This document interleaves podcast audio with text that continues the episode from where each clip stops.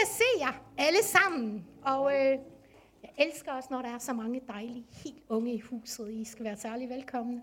Og børnene. Bare børnene, det er jo fantastisk. Og jeg håber, de har det rigtig godt nede i børnekirken. De giver den fuld gas, det er jeg ret sikker på. Yes. Øhm, jeg følte sådan lidt, da jeg sådan skulle forberede mig, så havde det bare sådan, jamen det er jo for elementært, Mr. Watson. Det er jo simpelthen barnemad, det her. Det er jo begynder, begynder, kan man sige, stadiet inden for kristendom. Men ikke desto mindre, så var det de der ord, at blive som et barn igen. Og selvfølgelig var jeg nok lidt inspireret af, at der også er en barnevelsignelse i dag, okay? Øhm, og jeg tænkte på det, midt ind i sådan en tid, en coronatid, jeg ved ikke, hvordan I andre har det, men man kan godt nok blive en lille smule træt af det og lidt trist. Øhm, og så mørket. Jeg var ude i borget og handle i, i går, og da jeg gik ind, der var der nogenlunde lyst, og en halv time senere, så tænkte jeg bare, det kan da ikke passe. Der er der et eller andet, der er helt galt her. Det var bare blevet mørkt på en halv time, hvor jeg bare tænker, det er vidderligt også mørketid. Bogstaveligt talt. Men jeg tænker også, at der er rigtig mange mennesker, der faktisk oplever, at der er mørkt i mere end en forstand. Der er tryk på. Er det rigtigt? Er der nogen af jer, der oplever, at der er tryk på?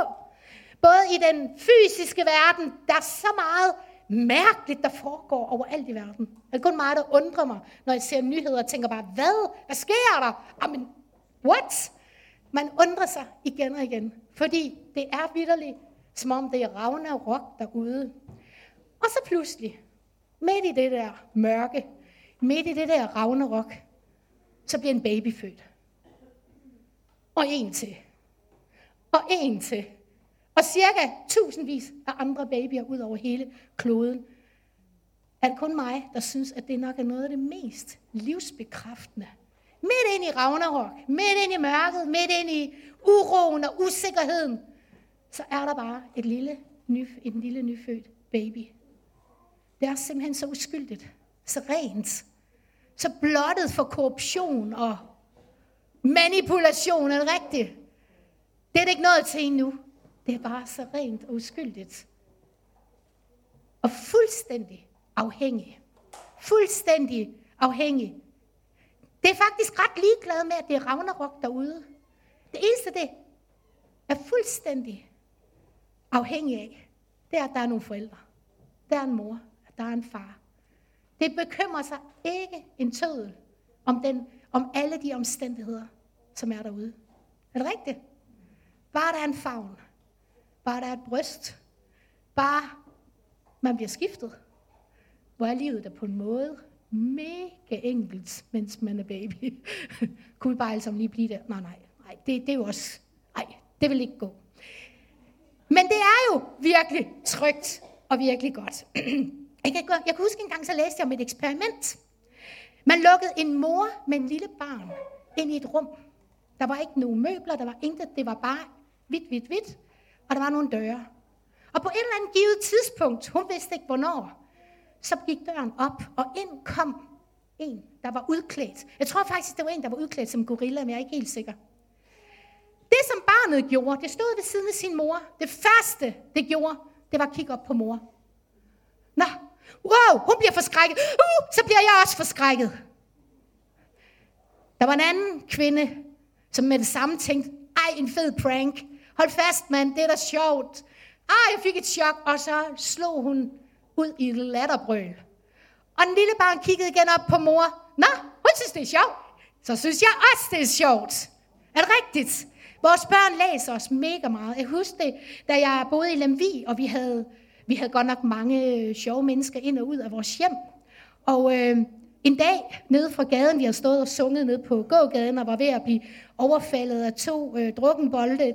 Den ene har på vej hen og lavet karatespark mod Josefs guitar. Og så pludselig der, så husker du hans navn. Vi havde åbenbart kendt ham. Og han siger bare, jamen Benny, du slår dig ikke på en gammel ven. Og Benny, er jeg en gammel ven? Og han var helt... Og så var det ham, der bankede den anden, og han sad og generede os under det her friluftsmøde. Men vi endte jo faktisk med op at tage øh, ham her, den, ikke Benny, fordi han kom ind, de skulle lige skilles lidt ad, fordi de var virkelig aggressive. Så øh, vores venner tog Benny med hjem, og vi tog den, jeg tog, og vi tog den anden med hjem. Og han sad i mit køkken, og han råbte og skreg. Jeg ved ikke, om du kan huske det, Jonathan. Det er faktisk min søn, der sidder der. Kan du huske det? Du var ikke ret gammel. Og han sad og var mega aggressiv, mand. Og der var det hele galt. Og jeg gik sådan og lavede mad, og, og jeg vidste, at han kunne ikke gøre en kat for træd. Altså, det havde jeg længst luret. Og øh, det, der bare hele tiden slog mig, det var, at jeg havde to drenge, på en på tre og en på fem, som bare vimsede rundt i køkkenet, frem og tilbage fra stuen og ind i køkkenet. Og de var fuldstændig, og han råbte og skreg, de var da ligeglade.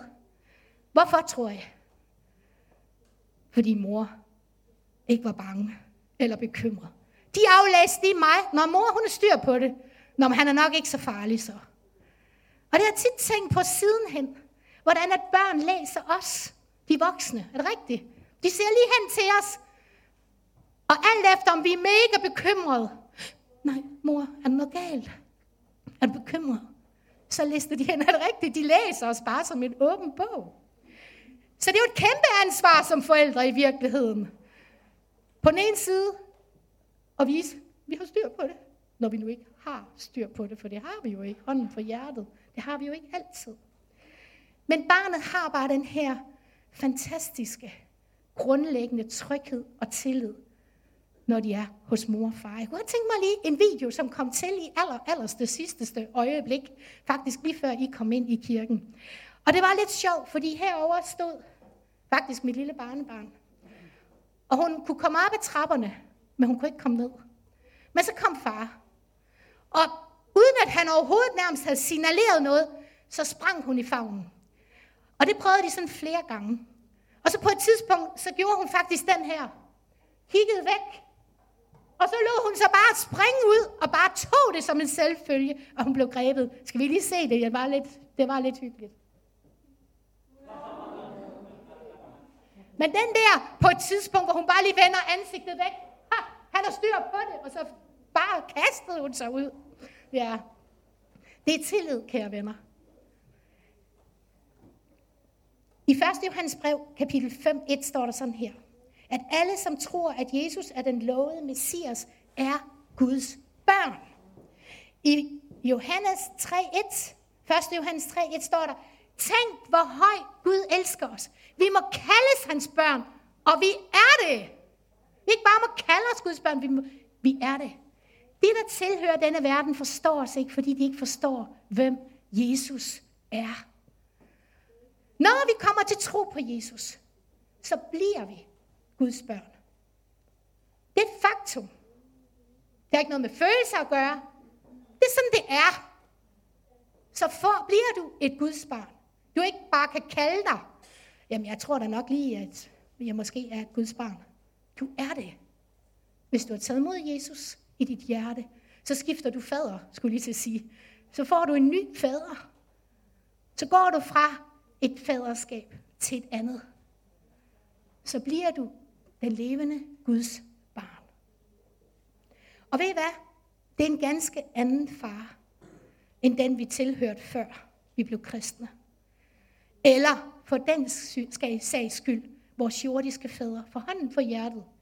Grunden til, at det med, at Gud er vores far, faktisk er lidt kompliceret at forstå og gribe om, det er fordi, vi har a bunch of people, han har sagt. Vi har jo simpelthen så mange fraværende fædre, eller svigtende fædre, ufuldkommende fædre. Er det rigtigt? Vi lige skal indrømme det. Vi lige skal indrømme det. Vi er ikke perfekte. Jeg ved, at min mand har måttet bede om tilgivelse. Om ting fra vores børn. Barndom. Jeg ved da, at jeg har måttet sige undskyld igen og igen. Hvorfor? Fordi jeg bare ikke er perfekt. Fordi jeg bare har forbrudt mig. Fordi jeg er et brudt menneske. Præget af, at det jeg bærer rundt med. Forstår I det? Så det her faderbillede, når Jesus siger, du skal blive som et barn, du bliver Guds barn, og du er det, når du bliver en kristen, så er det bare rigtig, rigtig mange kristne, der har sindssygt svært ved at gribe om det, at Gud skulle være en kærlig far. Fordi ham der, daddy der, ham min jordiske, hold fast, han failede big time. Han var bare, han svigtede mig. Der var jeg skrev julekort, fik ikke engang en gave tilbage. Eller hvad er det nu? Ved du hvad? Der er forbavsende mange, der har de der historier om fædre, som ikke levede op til det.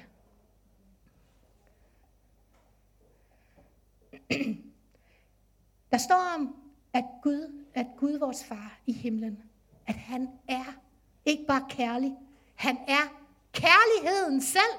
Og alt hvad du ser, som du tænker, at det er godt her i den her verden. Ej, det der kærlighed, det der. Så skal du vide, at det der smukke, der også kan være i den her verden, det har sit ophav i Gud. Fordi han er indbegrebet. Han er kærligheden selv. Og alligevel, så kan vi have så svært ved at fatte, at han er en kærlig Gud. Jesus siger igen og igen, at vi skal blive som børn. Hvorfor? Lige præcis på grund af det der, vi så i den video. Tillid. Tillid. Han nu tillid. Stol på, farmand. Stol på, at han er din far, der ønsker dig det allerbedste. Jeg havde sådan lidt en, en lidt sjov snak her med Gud, fordi jeg synes jo, ah, skal jeg prædike det der? Er det virkelig dig? Så det er jo så elementært. Det, er jo, det har de garanteret også hørt mange gange. Og, og du ved, jeg tænkte sådan ligesom, Gud, men du så ikke godt bare hjælpe mig, sagde jeg. Altså fordi, men, og jeg synes faktisk ikke, jeg fortjener det. Og lige der, der tror jeg faktisk, jeg hørte Guds stemme. Jo, du fortjener det. Og lige der, der reagerede jeg, fordi jeg tænkte, nej, man kan ikke fortjene sig til din kærlighed. Og så siger Gud, nej, det er rigtigt. Men du fortjener det, fordi du er mit barn. Fordi du er min datter. Så fortjener du, fordi jeg er en god far, og du fortjener alt godt. Men det handler ikke om, at du skal gøre gode gerninger, eller være fantastisk og fejlfri, for at kunne få den der kærlighed. Det er jo det, der er ufatteligt, at han elskede dig og mig, mens vi endnu var syndere. Det står der. Mens vi endnu var syndere. Han vidste ikke engang, om du gider ham. Og alligevel så gav han sin søn for at dø på et kors, for at tage al din synd og din skyld og din skam. Med den risiko for, at alle mennesker bare siger, ja, det var da det, der skete, da han hang der på korset. Folk gik forbi og hånede og spottede. Det var den risiko, Jesus eller Gud løb med sin søn Jesus. At vi aldrig nogensinde vil tage imod ham. Selvom det er vores redning. Selvom det er vejen tilbage til vores far i himlen. Vi vil så gerne som voksne være sådan nogle meget ansvarlige, og vi kan godt lide kontrol. Er det kun mig? Nej, jeg kan virkelig godt lide orden omkring mig, og kun have lidt styr på det. Men hånden på hjertet, det kan vi ikke have ret længe gang, når det rigtigt. Så sker der et eller andet, der bare vælter. Det er ligesom sådan dominobrikker. Man tænker, ej, det ser godt ud, de står der flot. Og så sker der bare et lille vindpust, eller et eller andet. Siger det, så ryger alle dominobrikkerne ned. Og vi har ikke styr på noget som helst. Tilværelsen falder bare sammen omkring os. Vi kan blive væltet af omstændigheder. Vi kan blive bekymrede. Og vi kan være frygtsomme over den her verden, vi lever i. Endda måske at føde børn ind i. For det er en grum verden. Så skal vi høre, hvad Jesus siger her. Eller vi skal høre lidt om Jesus og disciplene i stormværet. Lukas 8, 22-25. Og når det nu står der, så kan jeg jo lige så godt læse heropfra. En dag så gik Jesus sammen med disciplene ombord i en båd, og han sagde til dem, lad os lige sejle over til den anden side af søen. De lagde da fra land, og mens de sejlede, så faldt Jesus i søvn. Pludselig kom et voldsomt stormvejr hen over søen, og båden tog en masse vand ind, så de kom i livsfare. Disciplerne gik hen og vækkede Jesus. Mester, mester, vi drukner, råbte de. Der rejste han sig og befalede stormen og bølgerne at lægge sig, og det blev blik stille. Derpå vendte han sig til disciplene og spurgte, men hvor er jeres tro? Med ærefrygt og undren i stemmen sagde de til hinanden, hvem er den mand egentlig? Selv stormen og bølgerne adlyder ham. Det, der bare slog mig, det var det der ene spørgsmål, og det ramte mig simpelthen. Ah, hvor er jeres tro? Hvor er til? Han er tillid. Har I ikke været sammen med mig, disciple, de sidste lange tider og set, hvad jeg kunne gøre af mirakler under? Og nu sker der noget, som er helt, wow, nu vælter verden der vist. Hvor er jeres tro henne? Øh, jeg er lige her ombord på båden. Jeg har styr på det. Vær nu ikke bange. Hvor er jeres tro? Er nu tillid. Jeg tror, at de ikke helt forstod i virkeligheden, hvem Jesus er. Og derfor vaklede deres tro. Netop fordi de stirrede sig blind på omstændighederne. I Johannes evangelie 14, 6-11 står der sådan her. Jesus svarede, jeg er vejen og sandheden og livet. Ingen kan komme til faderen uden gennem mig. Havde I forstået, hvem jeg er, så ville I også have forstået, hvem min far er. Men I skal snart forstå, hvem han er, og I har set ham. Herre, vis os faderen, bad Philip. Det er alt, hvad vi ønsker. Han har lige stået og sagt, at han har lige stået her og sagt, har I forstået, hvem jeg er, så vil I også forstå, hvem faderen er. Vis os faderen. Er du stadigvæk ikke klar over, hvem jeg er, Philip, spurgte Jesus. Og det efter, at jeg har været så lang tid sammen med jer. Hallo, den som har set mig, har faktisk set faderen. Hvorfor siger du så, vis os faderen? Jesus er faderens udtrykte billede. Og det har jeg lyst til at sige til dig i dag, som kæmper med det her faderbillede. Som selv har oplevet, at den far, du har, det var ikke den bedste. Eller han svigtede. Eller han forsømte dig. Eller han sagde aldrig nogensinde til dig, at han elskede dig. Til dig vil jeg bare sige, hvis du har problemer med at tænke på Gud som en kærlig far, og som en far i det hele taget, så tænk på Jesus. Jesus er faderens udtrykte billede. Hvis du er i tvivl om, hvem Gud er, se på Jesus. Den han er. De fleste mennesker kan godt lide Jesus. Helt ærligt. Muslimer. Jeg har oplevet dem sidde og sige, elsker Jesus. Og jeg blev sådan helt, gør det? Ja, vi elsker Jesus. De har så ikke forstået, at han er Guds søn. Mange mennesker har ham som et kæmpe forbillede. Men i dag har jeg bare lyst til, at du skal forstå, at hvis du vil forstå, hvem faderen er, så se på Jesus. Han siger ikke noget, uden han har hørt sin far sige det. Han gør ikke noget, uden at han vidste, ved, at det her det er Guds vilje at gøre lige nu. Så når Jesus går rundt og helbreder de syge, eller løser af dæmoner, eller hjælper, han er sagt med alle mulige ting, så er det Gud. Så er det Guds hjerte. Så er det faderhjertet. Den perfekte fader. Ikke som vores jordiske fader. Den perfekte fader. I salme 93, jeg elsker den her salme, fordi vi kan så hurtigt rokkes af omstændigheder. Og som det lille barn, vi skal være som børn, siger Jesus. Hvad gør børnene? De aflæser os. Vi har brug for, når omstændighederne omkring os vakler, og kigge hen på far. Hvordan reagerer han i den her situation? Prøv lige at høre, hvad der så står i salme 93, hvordan han reagerer, når der er kaos. Det er Herren, der sidder med magten. Han er klædt i kongeligt skrud. For ingen kan udfordre hans herredømme. Han grundlagde jorden. Den står urokkeligt fast. Herre, du har været konge fra tidernes morgen. Fra evighed har du siddet på tronen. Havene bulrer, de brager, brændingen hamrer højlydt mod stranden. Men Herren sidder roligt på sin trone. Berør os ikke af bølgernes oprør. Herre, dine lover og bud står fast. Dit tempel vidner om din hellighed for evigt. Jeg elsker den der sætning. Midt i bølgernes brusen, midt i oprøret. Hvad står der så? Men Herren sidder roligt på sin trone. Hvad ønsker Jesus, når han siger, at I skal blive ligesom børn? Reager som barnet. Se hen til ham, din far i himlen, som sidder roligt og som ikke bliver rokkes ved, at omstændighederne er fuldstændig ragnarok. Han har styr på det.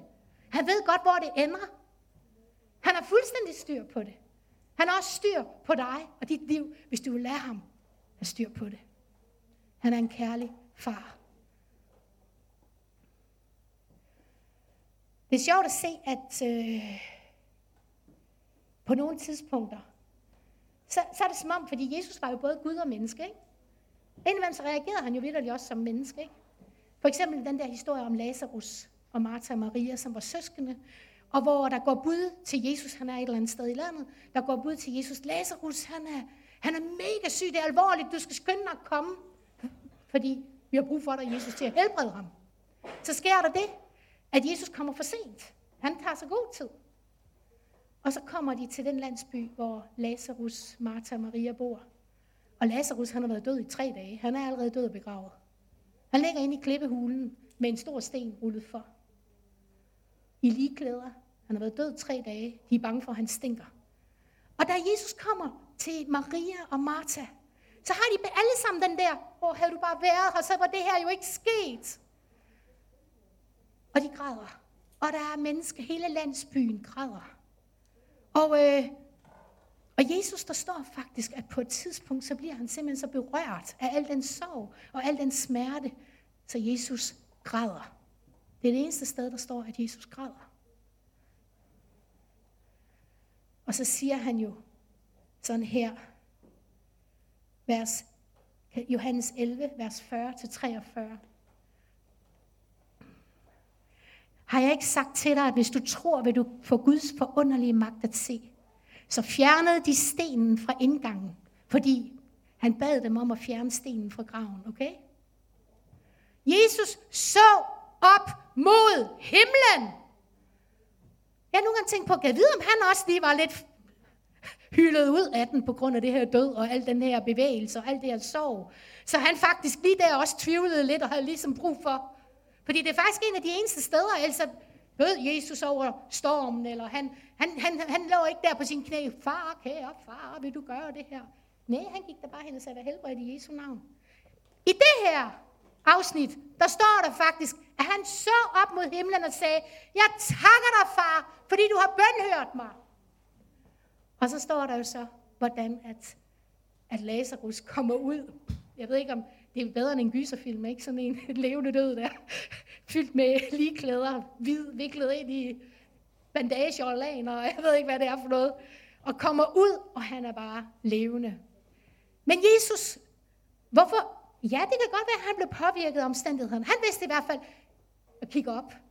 Men måske gjorde han det også på grund af alle dem, der stod omkring ham, som bare tvivlede på, det her det er uden for Guds rækkevidde. Det her, det der her, her er alt håb ude. Måske gjorde han det også for at være afbildet, et eksempel på, hvordan du skal reagere, når alt håb er ude. Når du bliver angrebet af omstændigheder, og det overvælder dig.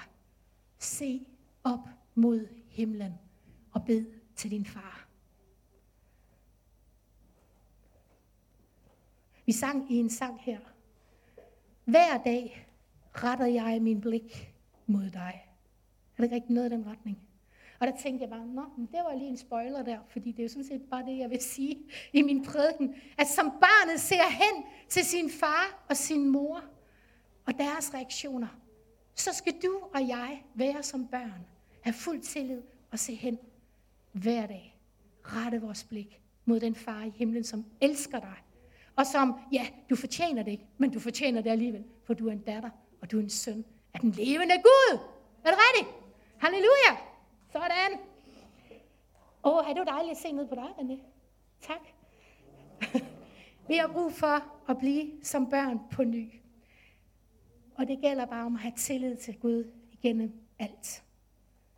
Forstå, at han vil dig. Jesus vil han mennesker. Ja, det vil han. Han ville dem, alle andre ikke ville. Han ville alle mennesker. Men han ville også dem, som nogen ikke ville. Vil Gud så sådan et menneske? Ham der, den rene, hellige Gud. Ja, hvis Jesus vil, så er det helt klart hos faren, vores far i himlen, der vil. Det er den far, du har. Ikke den jordiske. Se hen på Jesus, så har du billedet af, hvem din daddy er. Og nogle gange så siger jeg, at jeg provokerer lidt. Jeg siger nogle gange daddy, eller fati, eller hvad jeg nu siger. Fordi der var en gang, og det vil jeg være ærlig at sige, at jeg kæmpede med det her med faderbilledet. Det er ikke fordi, jeg ikke havde en god far, for det har jeg. Jeg har verdens bedste far.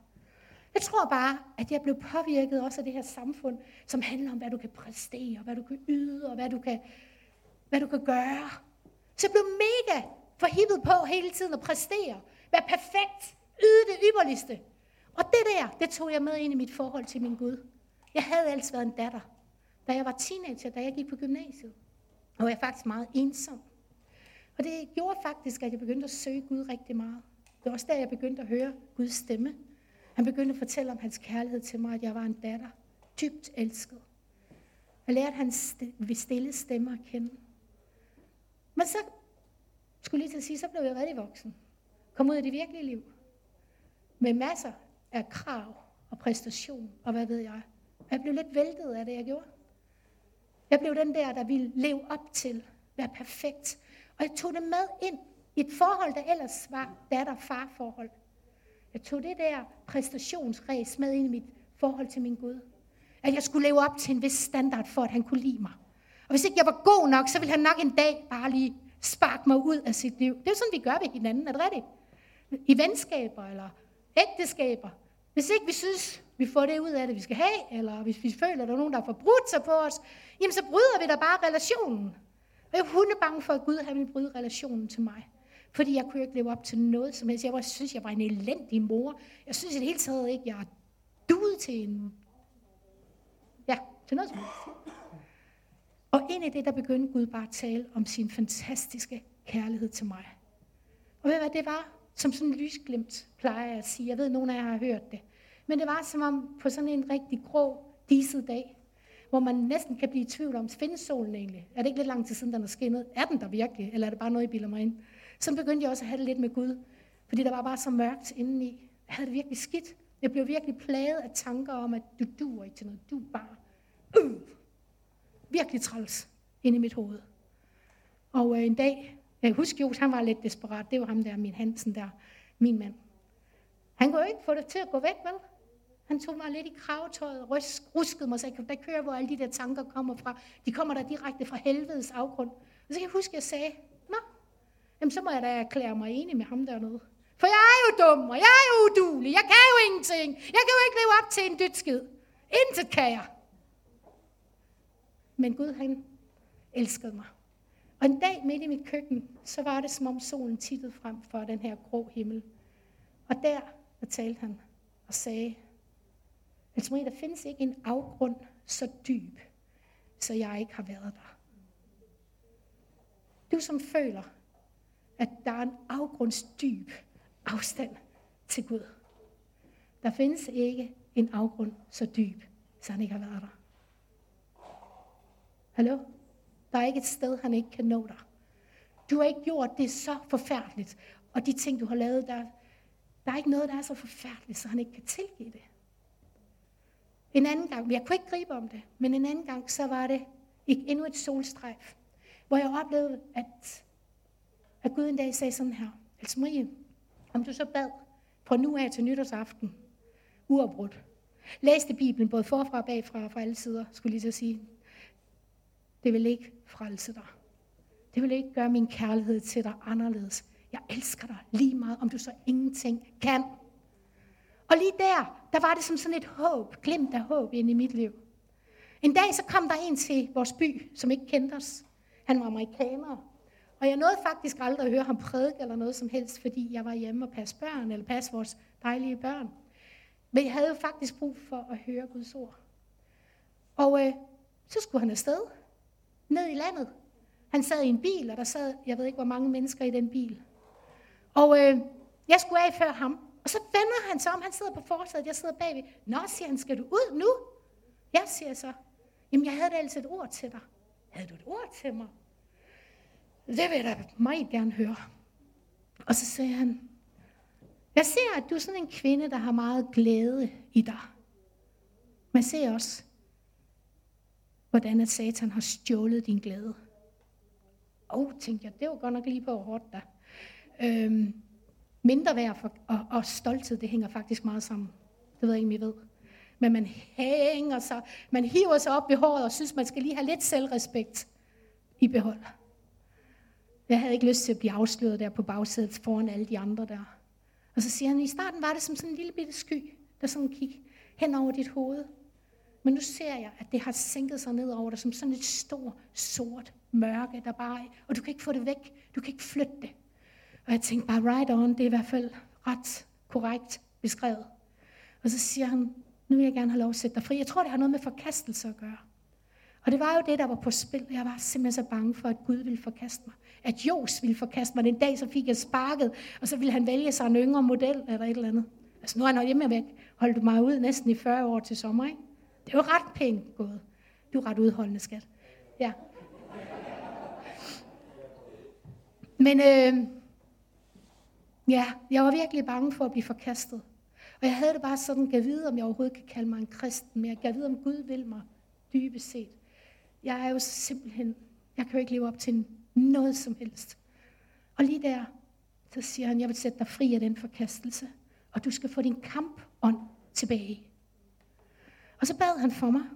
Og jeg kan bare huske, at jeg sådan næsten var bange for, at jeg sådan skulle manifestere, og at jeg var fyldt med... Fordi jeg var simpelthen så forvirret. Det var jeg virkelig. Og der skete ikke noget, følte jeg ikke. Jeg var bare forvirret. Gik ud af bilen. Men næste nat, kære venner, om natten i et sommerhus, vi havde været til et bryllup, som jeg havde, fordi at det netop var sådan en situation, jeg frygtede mere end noget andet.